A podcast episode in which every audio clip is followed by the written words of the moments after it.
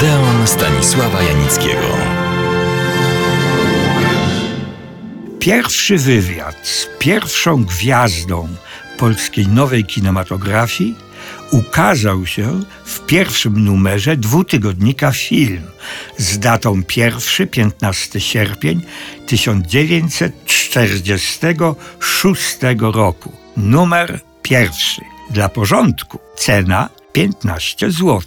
A na 15 stronie czytamy pod tytułem Nasza okładka skromny tytuł. Po prostu Danuta Szaflarska.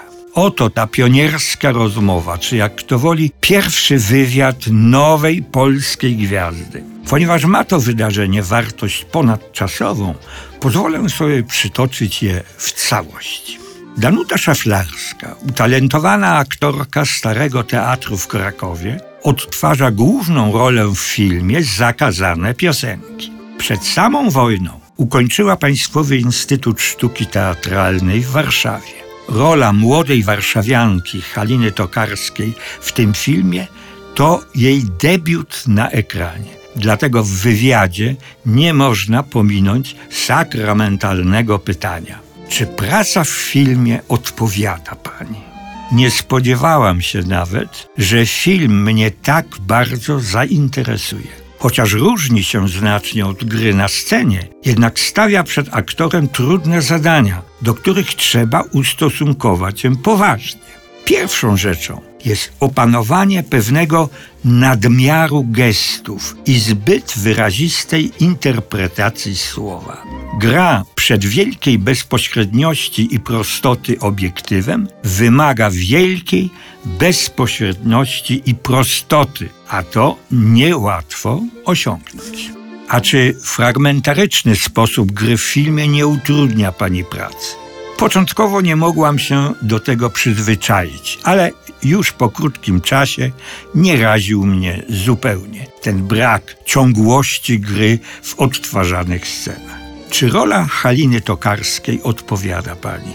Losy bohaterki są bardzo podobne do moich w okresie okupacji i powstania i przez to tak bardzo mi bliskie. Staram się po prostu przeżywać jeszcze raz te wszystkie sytuacje, w których znajdowały się tysiące mieszkańców stolicy w tragicznych i radosnych chwilach niedawnej przeszłości. A co może Pani powiedzieć o dotychczasowych rezultatach swej pracy w filmie? Czy podoba się Pani sobie na ekranie?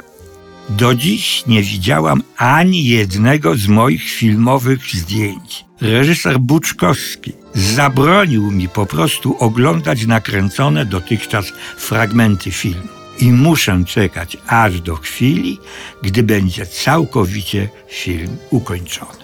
To doskonale. Spotkamy się zatem na premierze filmu Zakazane Piosenki i wtedy dokończymy nasz wywiad. I tak zakończył się pierwszy wywiad prasowy, jakiego udzieliła Danuta Szaflarska. Mijały lata. Ja już miałem swój program telewizyjny w starym kinie, ale wychodziłem często poza studio, jako że od dawna ciągnęła mnie praca za, a nie przed kamerą. W 1967 roku obchodziliśmy dwudziestolecie premiery naszego pionierskiego filmu Zakazane piosenki. Nikogo, ze mną włącznie, nie zdziwiło, że to mnie zlecono zrobienie odpowiedniego okolicznościowego filmu. Zrobiłem go z największą przyjemnością. Ekipa, raczej skromna, ale wyborna, składała się przede wszystkim z operatora, niezastąpionego Saszy Lipowskiego, kiedyś o nim szczegółowiej opowiem, jego asystenta, kierownika produkcji i mojej skromnej osoby jako scenarzysty, realizatora i fachowca od prowadzenia nietuzinkowych rozmów z naszymi, nawet sławnymi, jak to się wtedy mawiało, ludźmi filmu. Ważne było miejsce spotkania i zdjęć do filmu Zakazane Piosenki. Ambitnie wymyśliłem, że z operatorem, którym był Adolf Forbert, będę rozmawiał wspominkowo na rynku Starego Miasta. Dlaczego tu? Bo to wtedy był symbol powrotu do pokojowego życia w pięknym otoczeniu. Operator był oczywiście wszędzie. Rozmowa z twórcą tej pięknej opowieści, Ludwikiem Starskim, miała miejsce w jego warszawskim mieszkaniu. To był trudny orzech do zgryzienia, dlatego że pan Starski, tak na marginesie ojciec naszego sławnego Oscarowca, Alana Starskiego, nie znosił opowiadać, co miał na myśli, bo to przecież jasno z jego scenariusza wynika. Ale jeszcze do tego wrócę. Dla pani Danuty szukałem odpowiedniego miejsca, takiego, biorąc też pod uwagę, w jakich filmach do tej pory wystąpiła i gdzie na ogół wtedy ciekawe rozmowy się przeprowadzały. Jak udało mi się rozwiązać tę kwadraturę koła, jeszcze opowiem. Serdecznie do następnego Odeonu zapraszam.